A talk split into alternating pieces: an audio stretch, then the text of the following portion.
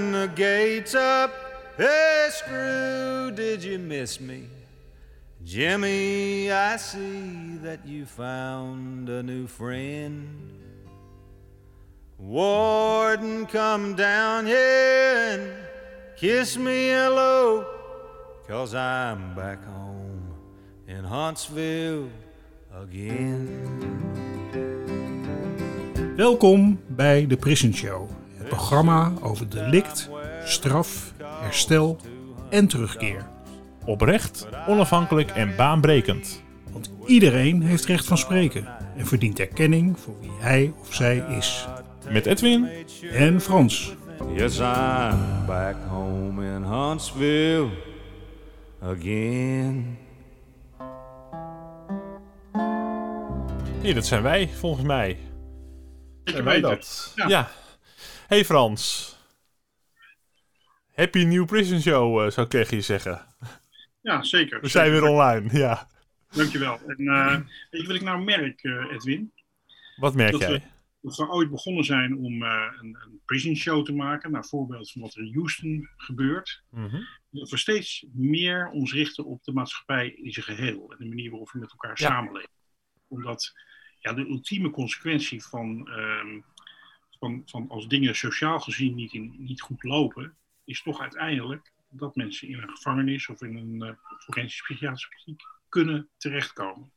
Dus Mhm. Ehm, ja, vanuit de gedachte dat, eh, eh, dat, je, dat, dat de samenleving, zeg maar, de manier waarop die georganiseerd is, eh, eh, mede bepaalt of mensen worden uitgestoten en misschien zelfs in de gevangenis terechtkomen, die, eh, ja, die begint steeds meer opgeld te doen in onze prison show. En ik ben er wel blij mee.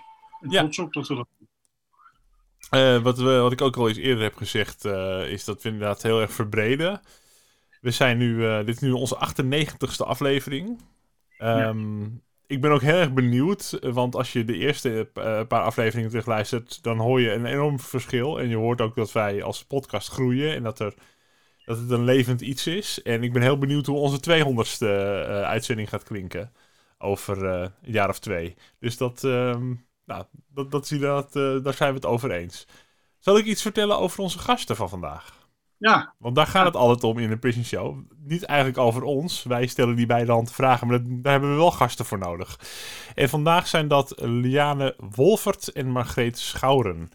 En zij zijn te gast om met ons te praten over Open je hart en de initiatieven die daaruit zijn voortgekomen. Zoals onder andere de Wachtverzachter, prachtige naam, en de Mantelkring. Liane en Margreet proberen antwoord te geven op wat er misgaat in de samenleving.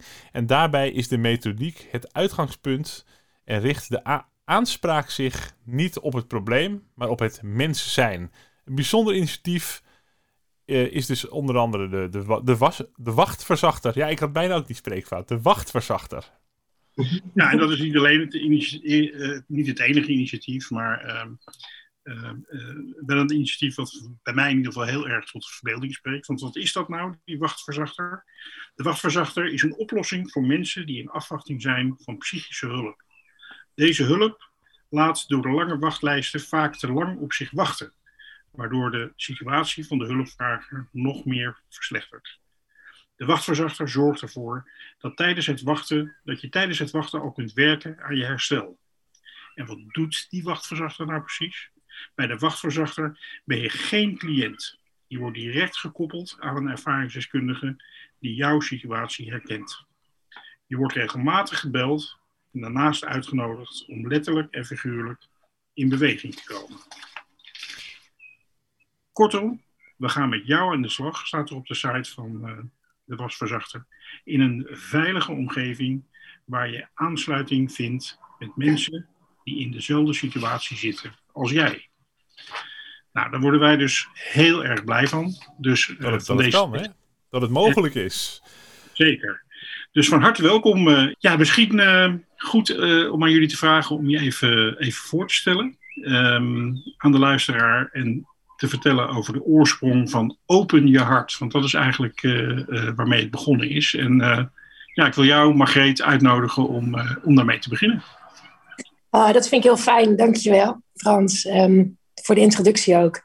Ehm, dat je er heel blij van wordt, die, die snap ik, Frans. En, en, de oorsprong van Open Je Hart ligt niet bij mij, maar ligt bij Liane. Um, ik kan wel uitleggen hoe ik daarbij ben gekomen. Want uh, getriggerd, zoals jij dat nu aangeeft, was ik dus ook op het moment dat ik hoorde hoe Liane het heeft op, hoe dat ze het doet. Um, mijn naam is Margreet Schoeren. Uh, ik kom uit het zuiden van het land, dus die OU spreken we anders uit. Ah, dus, ik twijfel al. dat maakt niet uit. Ik, ik, ik mag hopelijk volgend jaar de, de wijze vrouwenleeftijd bereiken. En ik um, ben dus 49, om het even duidelijk te maken. Ik heb een dochter van 18. Ik heb 10 pleegkinderen in mijn gezin mogen op, um, ontvangen, zeg maar. omarmen eigenlijk. En ik ben uh, co-founder van de Barbe Papa Fabriek. En in mijn dagelijks leven hou ik me eigenlijk bezig met het, uh, uh, het opsnorren van maatschappelijke problemen. En wij zoeken daar een, een mooie oplossing voor. Door bestaande oplossingen voor die maatschappelijke problemen te koppelen aan degene die ze zoekt. Even heel kort door de bocht. Ja. Um, in dat kader, met die achtergrond, kwam een vriendin van mij, Els, naar me toe. En die zei, weet je, ehm, ik heb een initiatief gevonden, Open Je Hart heet dat. En ik zou het ontzettend graag in uh, Pil en Maas, in het uh, mooie zuiden van ons land, willen oprichten. Um, zou jij mij willen helpen om de gemeente in beweging te krijgen? Want daar ligt uh, mijn specialiteit. Ik vind dat een beetje moeilijk. Nou, ik heb vervolgens een gesprek gehad met Liane. En Liane legde mij uit. Uh, en ik hoop dat ze dat dadelijk ook aan jullie uit wil leggen. Ik denk dat dat makkelijker is. In hoe ze gekomen is tot Open Je Hart. En wat ze daarmee wil bereiken. En hoeveel goeds dat ze daarmee doet. En ik werd echt zo getriggerd dat ik mezelf uh, uh, de, het doel heb gegeven om zoveel mogelijk gemeentes in Nederland te laten zien wat je met deze organisatie kan doen. En hoeveel mensen dat we kunnen bereiken. En hoeveel mooie dingen dat we, dat we in beweging kunnen zetten. Dus dat is mijn, uh, ja, mijn mooie taak binnen dit geheel. Uh, vandaar dat ik aansluit. Mooi. En, en, het verspreiden van dit verhaal in het netwerken, dat zit je in het bloed, uh, merk ik al. Uh, in, die, ja, in, in, die ene minuut dat we, dat we al, al met elkaar praten. Ja, ik zie al dat je dat fantastisch kan brengen en promoten en verspreiden. Thanks, ja. ja ik word ook blij van. Ik vind het heel fijn om dit soort mooie dingen te kunnen, ja, te kunnen delen met mensen die dat niet weten. Weet je. En ik, we denken allemaal dat we zoveel problemen hebben, terwijl er overal oplossingen zijn, maar er is niemand die verder kijkt dan zijn neus lang is. Een andere manier van even, even, even denken en er tegenaan kijken. En Liane, wat uh, kun je aan de luisteraars uh, vertellen over jezelf? Nou, hoe lang hebben we? Nee, we dat hebben is alle tijd. Maar een grapje, maar uh, mijn naam is Liane Wolfert en ik ben inmiddels 56 jaar. Ik heb twee kinderen, en vier bonuskinderen. Dus ik ben, ben een rijk, rijk mens. En sinds kort ben ik ook oma geworden. En, uh, dat is, en alle clichés zijn waar. Dus ik, ik ben een, een, blij en een rijk mens. En ehm, ja, wie ben ik en wat doe ik? Um, een aantal jaren geleden, dat was in 2012, heb ik zelf een enorm kantelmoment in mijn leven meegemaakt. Ik ging scheiden na 30 jaar relatie vrij onverwachts. En kort daarna verloor ik mijn baan. En dat was wel een enorm moment wat mij even stilzette. En dat was zeker niet gemakkelijk. Um, en daar heb ik ervaren wat eenzaamheid is en wat dat met mij heeft gedaan. En um, eigenlijk is dat de basis geworden van mijn, uh, van mijn initiatief en, en van mijn bedrijf wat ik uh, nu heb. Dat heet Bureau LWPC. En LWPC staat voor Liane Wolfert Personal Coaching. En uh, met een hele mooie groep mensen ontwikkelen wij concepten voor mensen in kwetsbare omstandigheden. Maar het allereerste zaadje is bij mijzelf geplant ik wilde me heel graag inzetten voor mensen die ook een kantelmoment in hun leven uh, meemaken. Bijvoorbeeld door het scheiden of door het verlies van baan of door het uh, verlies van een partner. En daar heb ik uh, een methodiek voor ontwikkeld. Ehm, ik ben gewoon begonnen, tien jaar geleden. En ehm, met vijf mensen en uh, alles wat we, daar, uh, wat we daar eigenlijk in die proeftuin hebben uh, uitgeprobeerd, eh, is nu tot een heel mooi concept geworden.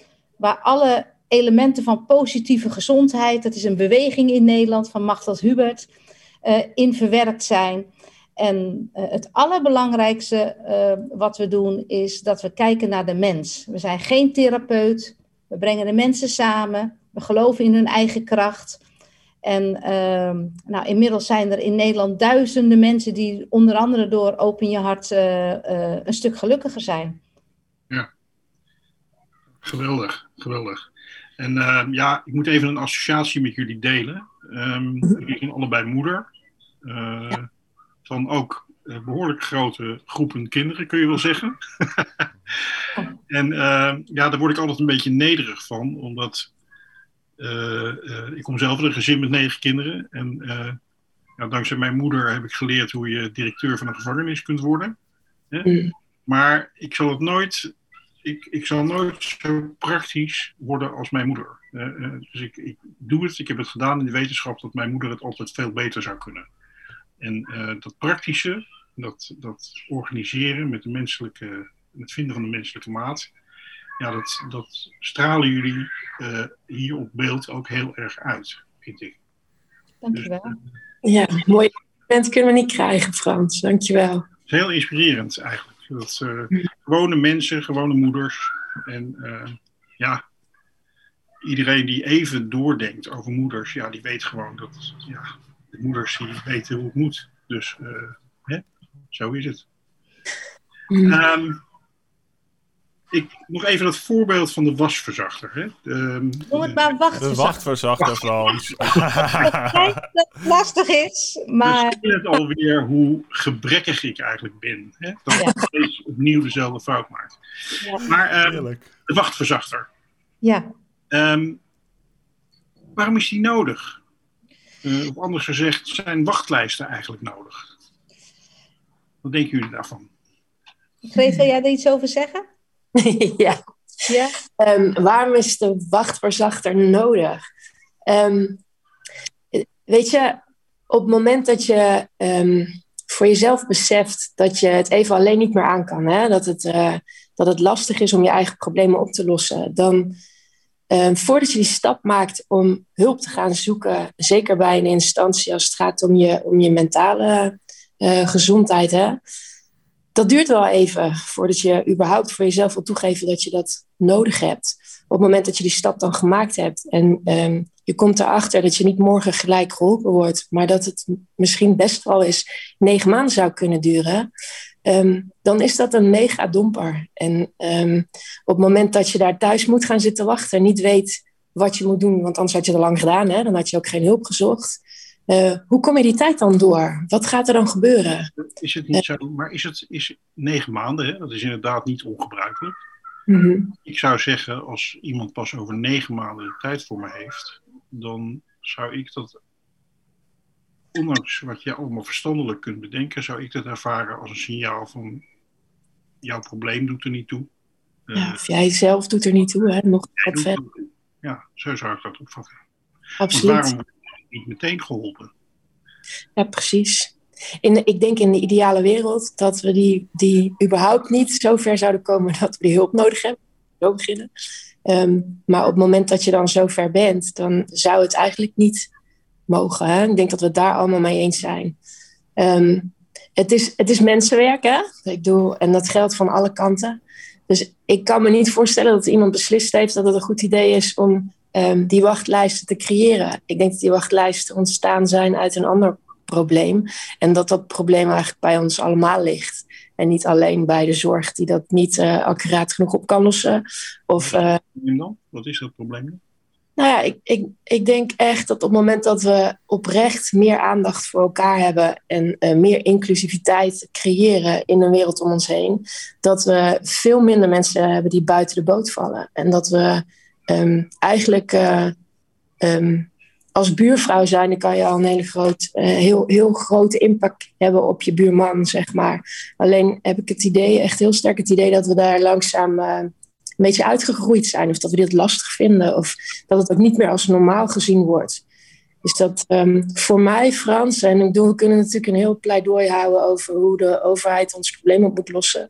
Maar ik geloof daar niet zo in. Ik denk dat we zelf ons problemen op kunnen lossen. Door um, in ieder geval te kijken als persoon naar wat kan ik vandaag voor jou doen, morgen of vandaag of uh, gisteren. En dat we daar een hele hoop verandering mee kunnen brengen. Dus eigenlijk het feit dat iemand op de wachtlijst staat, is een indicatie dat er iets aan de hand is. Hè? Ja. Dat, dat, die persoon uh, een vorm van aandacht nodig heeft. Mm -hmm. En dat is eigenlijk gewoon het uitgangspunt om aan de gang te gaan. Ja. Uh, ja.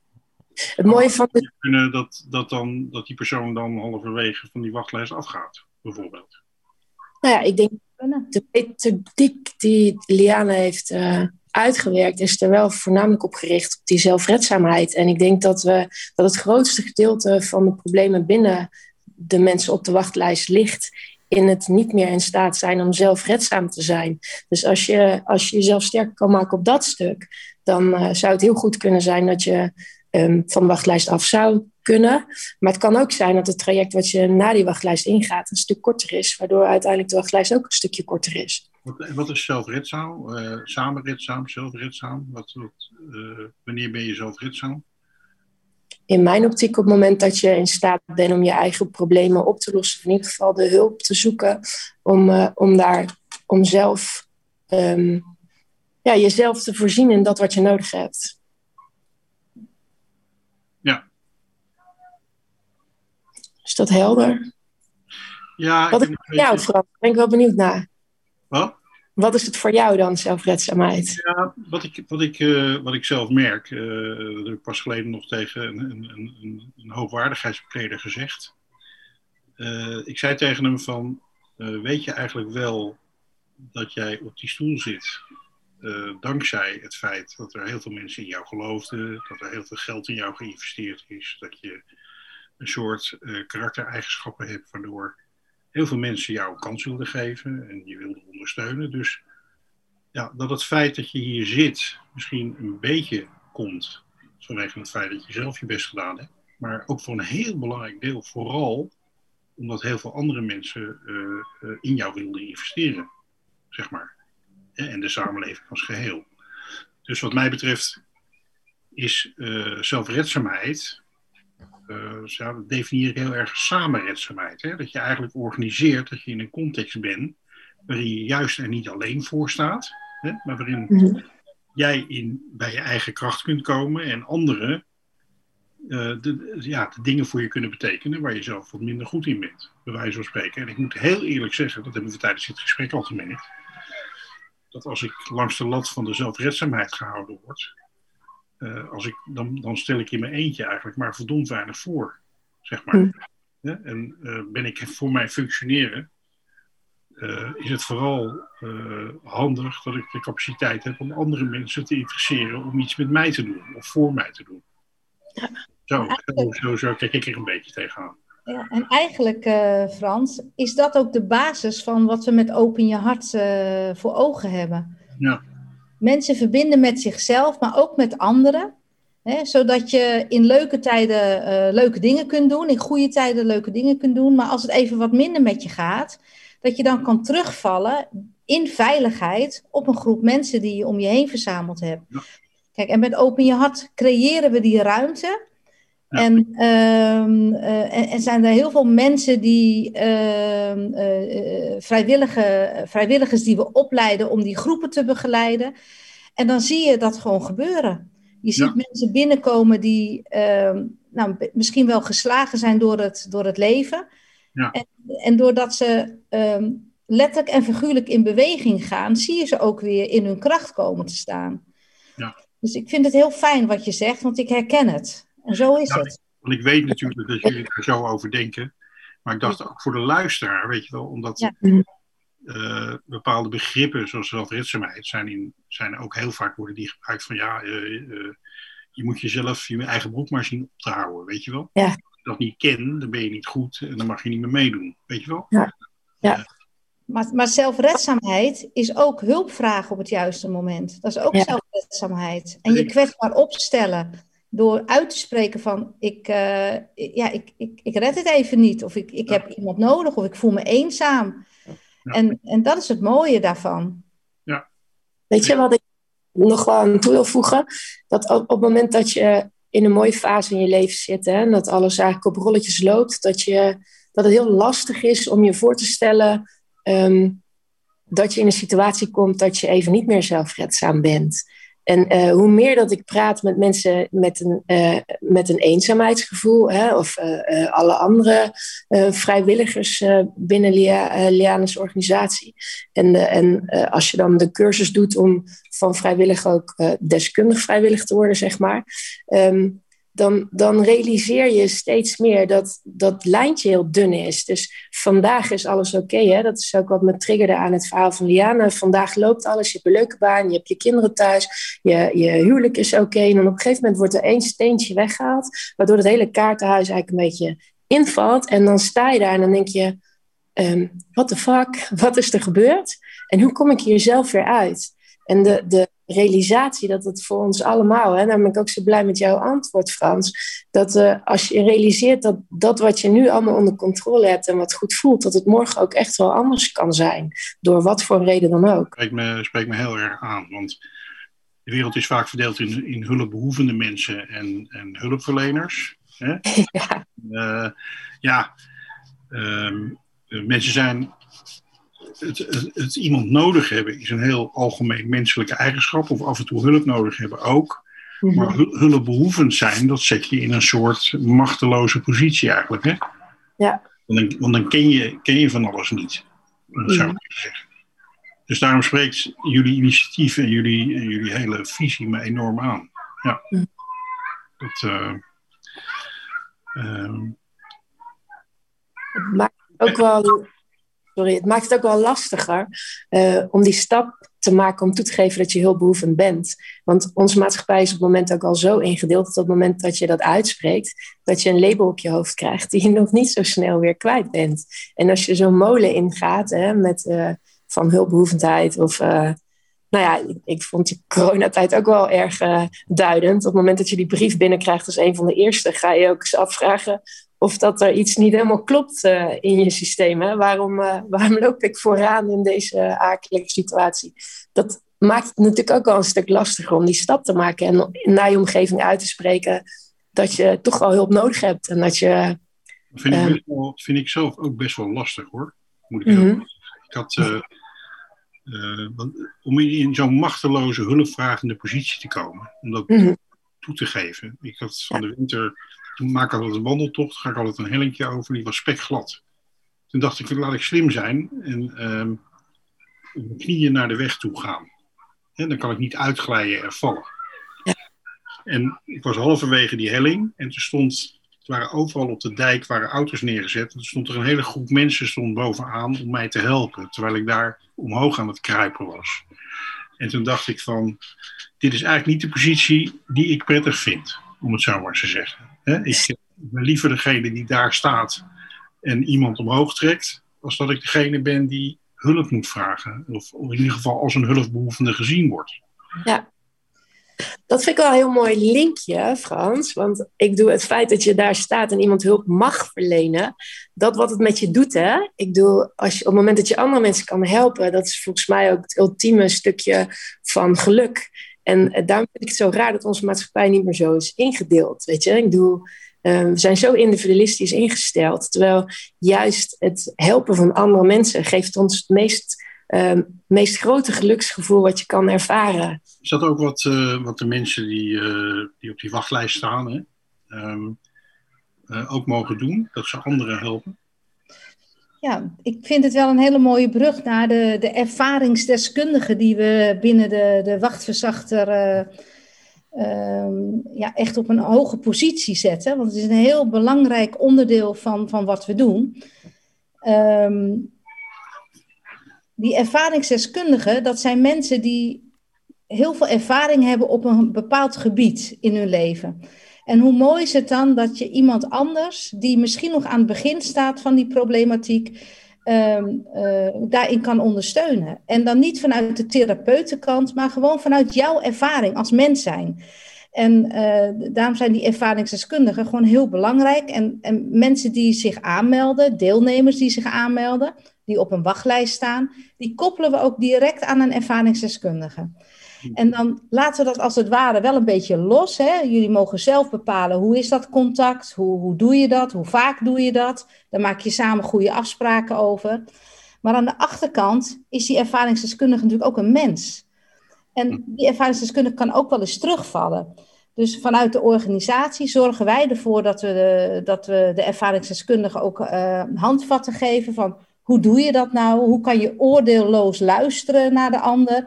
Um, um, uh, we hebben intervisie waarin we ook casussen bespreken van nou ik loop hier tegenaan, hoe heb jij dat gedaan? En dan zie je wat de kracht is van het verbinden van, uh, van twee mensen aan elkaar. Mm -hmm. En, en, en, um, en, en naast dan dat we uh, de, de deelnemers verbinden aan een ervaringsdeskundige, zit daar een heel programma omheen. Een scala van allerlei activiteiten waar je uit kan kiezen. En wat we ervaren is dat niet alle mensen vinden het fijn om uh, te bewegen. Niet alle mensen vinden het fijn om te praten. Um, dus zo hebben we binnen de wachtverzachter hebben we een scala van uh, producten waar je als deelnemer gewoon uit kan kiezen.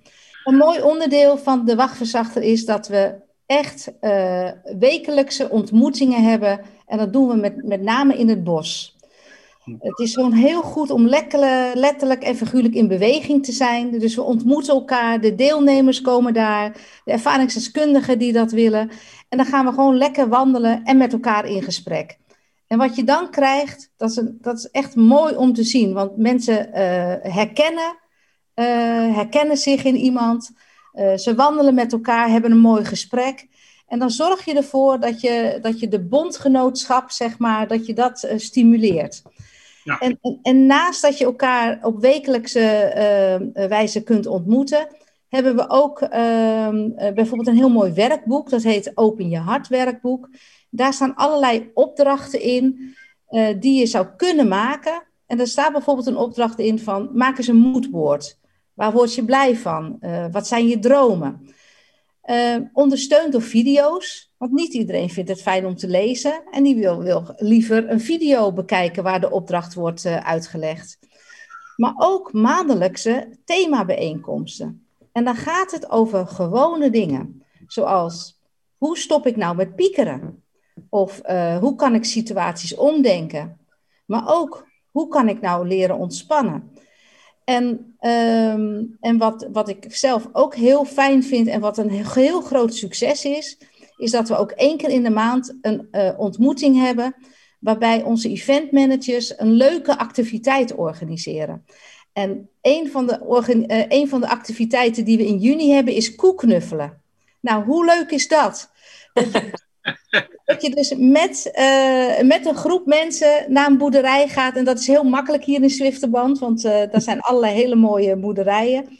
En dat je dan met elkaar in een ontspannen setting het niet gaat hebben over je problemen of over je uitdaging. Maar dat je gewoon als mens zijn leuke dingen kan doen en waar er gewoon aandacht is voor jou. Op allerlei verschillende manieren. Ja. En, en dat zorgt ervoor dat je, als je deelnemer bent van de wachtverzachter, dat er al aandacht voor jou is, van mens tot mens. En uh, dat we niet bezig zijn met jouw problematiek, want dat laten we heel graag over aan, aan de, de professionals. Maar wij uh, verbinden je met jezelf en met anderen. En uh, ja, dan is aandacht maakt alles mooier. Ik wou dat ik hem bedacht had, maar dat is niet helemaal waar. Maar ik noem hem wel. Aandacht maakt alles mooier. Volgens mij heeft niemand het bedacht. Volgens mij ontstaan dit soort dingen gewoon. Ja. Ja. Uh, niemand is daar eigenaar van, of wij allemaal. Wat ik, uh, waar ik heel benieuwd naar ben, hè, want dit, ja, het lijkt me heerlijk om hier aan mee te doen ook. Als je, zeker als je een moeilijke tijd doormaakt. Ja. Um, ik had een vraag voorbereid van vertel eens wat er allemaal fout is in de wereld en met de systemen. Ja. Die ga ik skippen. Fijn. Maar ik heb nu... eens. Want dat weten de mensen wel, weet je wel. De mensen die luisteren weten dat wel. Ja. Um, ik ben wel benieuwd hoe de systeemwereld, zoals je dat dan noemt, op jullie initiatief reageert. Want uh, ja, op, op een gegeven moment heb je natuurlijk ook financiering nodig en allemaal dat soort dingen. Ja. Uh, uh, en je, bent niet, je werkt niet met big geregistreerde hulpverleners en je hebt niet je hebt waarschijnlijk geen kengetallen met percentages van hoeveel mensen je nu met welk resultaat hebt begeleid en dat soort dingen. Dus hoe, hoe, hoe gaat dat? Hoe gaat dat? Nou, daar wil ik heel graag uh, op reageren, want uh, de, de wachtverzachter is nog maar vanaf uh, november zeg maar live. Hè. We hebben vanuit de gemeente Dronten, was de eerste gemeente die daar subsidie voor gaf. En wat er gebeurde nadat die website gelanceerd werd, dat was echt enorm bijzonder. Want wij werden echt gebeld vanuit heel Nederland eh, door uh, professionals, door uh, zorginstellingen, door cliënten, ehm, nou, door allerlei organisaties die zeiden: wat is dat nou precies? Ja. En wat we gemerkt hebben is, wij zijn geen, de wachtverzachter is geen oplossing om iets te doen aan die treeknormen binnen de wachttijden.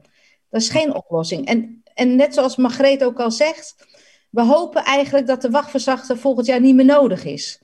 En dat, dat dat gewoon allemaal, dat die systemen allemaal weer goed lopen. Maar tot die tijd uh, is het gewoon enorm belangrijk dat als je op een wachtlijst uh, terechtkomt en je zegt negen maanden, maar soms is het zelfs wel anderhalf jaar, Frans. Hoe fijn is het dan dat je kan werken al aan je herstel en dat er aandacht is voor jou en dat je niet thuis op de bank zit te wachten totdat je opgeroepen wordt voor een intakegesprek. Dus het bijzondere is dat zelfs psychologenpraktijken ons ook benaderd hebben van wij zitten ook met onze handen in het haar, want de aanvragen die zijn uh, heel hoog en wij, het gaat ons aan ons hart dat we tegen mensen moeten zeggen. Uh, we gaan je helpen, maar je moet nog even wachten. En, en daarom ook terug te komen op jouw vraag, blijkt dat we voldoen aan een behoefte. Dat het gewoon fijn is dat er een plek is waar mensen die in deze situatie zitten al ergens gezien en gehoord worden. Nou, en, waar ik eigenlijk ook wel heel trots op uh, ben, is dat uh, ja, wij hebben dat ervaren in uh, uh, al die reacties. En, en ook schrijnende reacties van mensen die uit Groningen ons belden. En zei, waar kan ik me aanmelden voor de wachtverzachter? En uit Limburg, uh, wanneer kan ik beginnen? En dan, dan moesten we zeggen van, ja, het kan alleen nog maar plaatsvinden in de gemeente waar het gesubsidieerd wordt. Maar dat gaat je wel aan je hart. En um, ik, we werden benaderd door, uh, door heel veel mensen uit, uh, uit Nederland die zeiden van de wachtverzachter is genoemd bij het uh, vragenuurtje bij de minister door staatssecretaris Blokhuis. Als, als project wat nu op dit moment een oplossing kan bieden voor de mensen die op die wachtlijst staan. Ja. Dus het zegt wel iets. Ja. ja ik, dus Mag ik daar nog wat aan toevoegen? Je vraagt wat de professionals doen, uh, Frans. Hè? Maar um, de wachtverzachter komt uit dezelfde methodiek als Open Je Hart. Alleen met, uh, met de ervaringsdeskundigen op het, hè, op het stukje van geestelijk welzijn. En dat is niet voor iedereen weggelegd. Daarom is het ook een aparte um, organisatie geworden, zeg maar. Dus dat niet hetzelfde als Open Je Hart. Um, maar het is wel zo dat in elke gemeente dat we uh, de wachtverzachter of open je hart beginnen, dat we niet denken dat we het wiel hebben uitgevonden en maar gewoon naar binnen fietsen en daar het probleem op gaan lossen, maar dat we dit doen in samenwerking met alle instanties die er in die gemeente al zijn. Dus we vullen alleen de witte vlakken in en de, de stukken die er niet zijn. En verder um, zorgen we eigenlijk dat het systeem allemaal wat, wat makkelijker en wat soepeler loopt. Dus het is, het is nooit een vervanging van dat wat er al is. Het is altijd een aanvulling en een, uh, een versoepeling en verbetering. Dus als, als ik hem heel plat mag slaan, is het, um, is het het weghalen van de drempels op elk vlak. Dus dat, dat, um, daarom wordt het ook uh, met open hart en open armen ontvangen. Omdat we, omdat we dat weer in samenwerking doen en niet vanuit een, uh, een ego-gedreven visie. Ik ben heel blij met je opmerking, Margreet. Want uh, je kan je voorstellen dat je als een, een kleine uh, uh, bedrijf ergens in de, in de polder naar Den Haag gaat of naar, naar Limburg gaat. En dat je, dat je dan even gaat vertellen wat je gaat doen en je ding doet.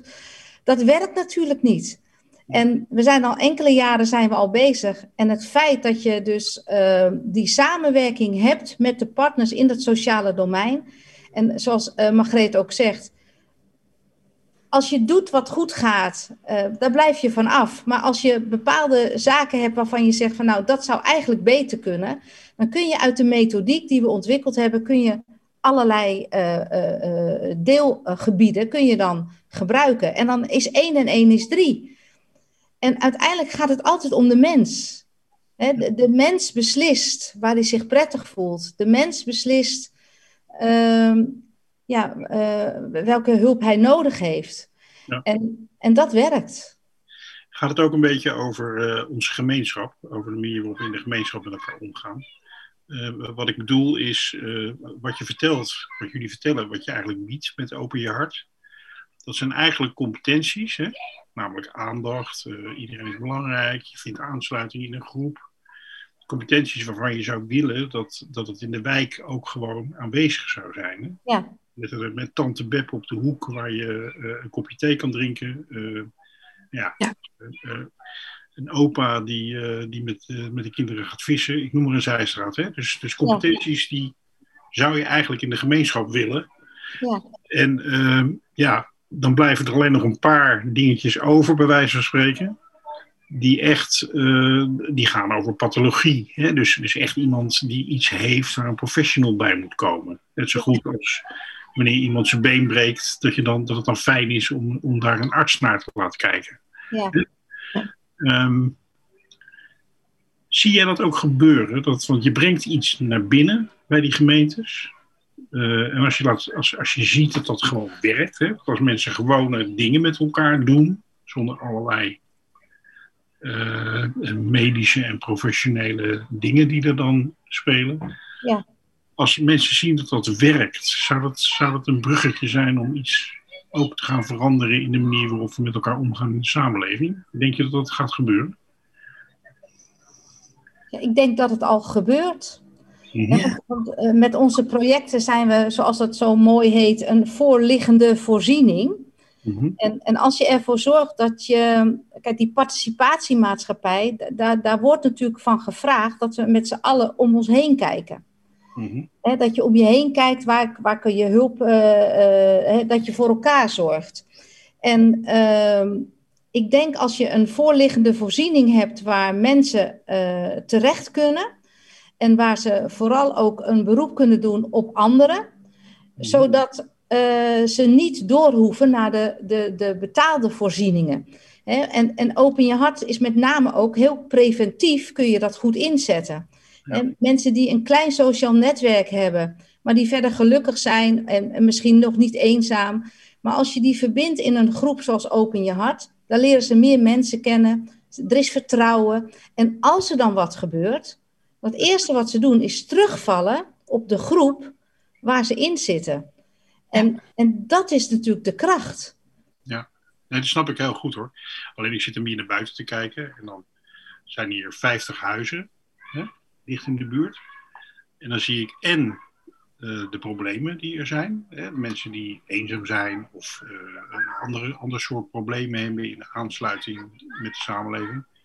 En ik zie ook alle competenties die nodig zijn bij weer andere mensen of dezelfde mensen om het op te lossen. Hè? Ja. Weet je wat ik wel, wat ik, uh, wat ik wel heel mooi vind van bijvoorbeeld Opie Hart? Is um, stel, ik zou mijn buurvrouw heel graag willen helpen. Hè? En, en het, uh, de stap om die, om die buurvrouw te gaan benaderen, om te gaan helpen, is natuurlijk ook niet handig. Dus we, als we het vanuit um, de vragende kant is het allemaal heel logisch. Maar vanuit de aanbierskant, als vrijwilliger um, om mensen te kunnen helpen, is het ook heel fijn om een organisatie achter te hebben die je vertelt um, hoe je dat het beste kan doen, zonder dat je jezelf belast. Ik, op het moment dat ik de zorg van mijn buurvrouw over ga nemen, word ik eigenlijk mantelzorger. En we weten allemaal hoe belastend mantelzorg is. Terwijl ja, als je veel doet, terwijl het, ja. soms ook, terwijl het soms ook al heel fijn is voor de buurvrouw als je één keer in de week een kopje koffie met haar drinkt. Of, uh... Dat zijn kleine stapjes inderdaad. Ja, en die, maar vanuit de georganiseerde um, omgeving en een, um, die intervisies en de opleiding, um, ben je eigenlijk veel makkelijker in staat om ook binnen bepaalde kaders toch te gaan helpen in, jou, in jouw omgeving. Weet je, je kan ook echt beslissen, ik doe maar uh, vijf uurtjes per maand of hè, ik noem maar wat. Terwijl op het moment dat jij de, de drie huizen in jouw straat gaat oppakken, dan, dan is dat niet met zoveel afstand. Dus dan kun je dat zelf ook niet meer bepalen. Het, het, het, het leren, het leren. Hè? Dus, dus uh, uh, dat herken ik ook wel. Uh, je denkt vaak als je je ergens tegenaan gaat bemoeien, dat je dan ja. je halve week kwijt bent. En dan denk je van, ja, maar ik heb al allerlei andere dingen. Dus dan beginnen mensen vaak niet aan. Nee. Maar als je nou ook zelf zou kunnen bepalen van nou, ik wil best één, of twee kleine dingen doen. Juist. Uh, en 30 man die gaan dat besluiten. Ja, dan is het ook opgelost, weet je wel. En dan is, Ja. het, dan is het eigenlijk maar naar, naar draagkracht. Dus ehm, Maar dat is wat de minister ook heeft gezegd, hè? In het programma 1 tegen eenzaamheid. Als we allemaal aandacht hebben voor één iemand. ja, Mhm. En dan Dat- gaat het alleen maar over aandacht. En niet dat je iemand in huis neemt en drie keer per dag eh, in band Nee. doet, bij wijze van spreken. Dat is niet nodig. En, en wat ik ook wel heel graag even wil zeggen is, we hebben het heel vaak eh, ook over het gesprek van, in het gesprek van eh, eh, helpen mensen. We willen mensen helpen. Ehm, maar daar moet je ook wel mee oppassen. Want Mhm. er zijn natuurlijk ook mensen die niet geholpen willen worden. En, ehm, en dat, daar moet je ook oog voor hebben. En wanneer is helpen echt helpen? Ja. Weet je, we zijn ook wel heel erg geneigd, ik merk dat bij mijn kinderen ook, hè? zeker als ze klein zijn, ben je heel erg geneigd om dingen over te nemen. Maar dat is niet helpen, weet je. Helpen is die zelfredzaamheid weer. Dus het, het leren om daar zelf ehm, je eigen stap en ook je eigen dingen in te doen. Dus het, het, is, het is ook wel heel belangrijk om daarin te weten hoe je echt kan helpen. En ook daarin te toetsen met mensen die dat ook vaker doen. Van is dit oké? Hoe zou ik hiermee om kunnen gaan? Ehm, weet je, dat, dat gevoel van ook daarin die inclusiviteit is gewoon heel prettig. Ook dat weer samen doen. Ik heb gelukkig al heel lang geleden ontdekt dat de beste manier waarop ik mensen kan helpen is door ze mij te laten helpen. Ja, ja, Ehm, daarmee heb ik zelf een heel comfortabel leven gekregen vanaf dat moment. Ja. Ehm, maar zie ik ook heel veel mensen opbloeien, zeg maar. Ja. En dat, Ja. eh, ehm, dat is eigenlijk veel meer de basis, denk ik, van, van het soort samenleving waar we naar streven. Als een samenleving waarin we iedereen gaan oproepen om mensen te helpen. Dat is Ja. inderdaad. Dat is helemaal niet leuk. Dat is ook iedereen zat, hè? Iedereen is ook een beetje. Ja. Als je mensen gaat helpen, dan worden ze afhankelijk en passief. En dan zeg je weer, nou, ik ben zo hartstikke aan het helpen. En eh, eh, nou doen ze nog, eh, nou gaat het nog niet beter met ze. Nee, logisch. Want dat heb je, zelf, daar heb je zelf ook aan bijgedragen door dat zo te doen. Ja. En ehm, ja, ik ben, ik ben wel benieuwd. Ehm, eh, ik vond, ik, het sprak mij enorm aan dat je, dat je had over de ervaringsdeskundigen en hoe die bij jullie een belangrijke rol krijgen. Ja. Het zijn ook mensen die, eh, als het ware, mogen geven, om het zo maar eens te zeggen. Mhm. Ehm, als je nou kijkt, er is vaak een discussie, ook in onze podcast geweest, over ervaringsdeskundigen. Wat is dat nou eigenlijk precies? Hè? Ja. Moeten het mensen zijn die weliswaar ervaringsdeskundig zijn, maar wel een professionele opleiding hebben of zoiets dergelijks? Hè? Of heb je het over mensen die juist leek zijn en ja, wie de inzet vooral is dat ze ervaringsdeskundig zijn? Eh, hoe kijken jullie daar tegenaan? Ja, die, die ervaringsdeskundigen, dat is een hele discussie eh, op dit moment eh, in Nederland. En, en inderdaad, ik ben heel blij dat je hem opnoemt. Kijk, binnen de wachtverzachter vinden we het enorm belangrijk dat als iemand zichzelf ervaringsdeskundige noemt, dat hij dus met zijn ervaring iets kan betekenen voor een ander, dan ben je bij ons van harte welkom. En natuurlijk begeleiden we eh, eh, deze ervaringsdeskundige daarbij. Hè, want hij kan ook of terugvallen. ehm, of, of, ehm, dus we zijn er voor die ervaringsdeskundige. En we zorgen dat hij ook eh, de tools heeft om, om zijn taak zo goed mogelijk te doen. Maar dat is een keuze. Want er zijn ook inderdaad opleidingen. Hartstikke mooi. Daar kun je in een jaar een opleiding doen. En dan ben je eh, officieel professioneel ervaringsdeskundige. Maar binnen de wachtverzachter geloven we daar niet in. Nee. Als jij vindt dat jij belangrijk kunt zijn en iets kan betekenen voor een ander vanuit jouw eigen ervaringsdeskundige, dan ben je bij ons welkom. Mooi. Ja, want ook dat is ehm, eh, toevallig. hadden we twee weken geleden een interview met een dame die ook eh, dingen doet als, eh, als ervaringsdeskundige. En toen ging het ook over de vraag van, goh, eh, hoe lang ben je nou ervaringsdeskundige? Hè? Ja, Je moet best een keer opgenomen zijn geweest en dus ervaringsdeskundig zijn. Maar je kan ook gewoon vervolgens in een leven hebben waarin je dus helemaal niet meer opgenomen hoeft te worden en dat achter je hebt gelaten. En dan eh, krijg je zo'n situatie dat, eh, hè, van ik heb ooit, ik heb, ook, ik heb wel eens een fiets gestolen, beken ik hier eerlijk. Maar dat is inmiddels, is dat al 50 jaar geleden. Dus ben ik nog steeds een fietsendief, weet je wel? Dat vergelijking. Ehm, dus ik vind het heel mooi dat je zegt van als jij zelf vindt dat je met die ervaring iets wil doen naar Ja. iemand, dan ben je bij ons welkom. Mooi. Vind ik mooi. We hadden, ik had toevallig, eh, ik stond vandaag op de markt met een, eh, met een eh, hele mooie gekleurde foodtruck. En daar staat op bakkie aandacht. En dan delen we dus gewoon koffie, koffie uit op de markt. En dan hebben we gewoon een mooi gesprek. En dan vragen we, en zo ontmoeten we ook onze ervaringsdeskundigen of de mantelzorgers. En ehm, eh, ik sprak een, een, een vrouw die heeft jaren voor haar man gezorgd eh, met dementie. En ze vertelde hoe zwaar eh, haar leven eigenlijk op het laatst ook werd. En die man die is nu eh, overleden. En toen vertelde ze, ehm, ik zou zo graag met mijn ervaring, waar ik de afgelopen jaar tegenaan ben gelopen, daar zou ik zo graag andere mantelzorgers mee willen helpen. Om, om niet om te helpen, maar om gewoon te vertellen van eh, zo heb ik het gedaan en misschien heb je daar wat aan. Maar ook de, de, de, de wegen kennen van wat je nodig hebt. En, en eh, dat heeft zij allemaal zelf moeten uitzoeken. Dus hoe waardevol is het dat zij met haar ervaring als ex-mantelzorger eh, zich kan inzetten voor, voor iemand anders. Ik denk Ja. dat het zelfs al fantastisch is eh, om met iemand te praten, nog los van of het allerlei praktische voordelen oplevert. Ja. Hmm. Iemand te praten die in dezelfde situatie heeft, heeft Ja. gezeten. Het is ook Ja. ik al heerlijk om voor mensen om dat te, te, doen. Ja, te Ja. Dus bij ons zijn ze allemaal welkom. Nou, ik vind dat wel een hele mooie slotzin, vind je niet, Edwin, voor deze podcast.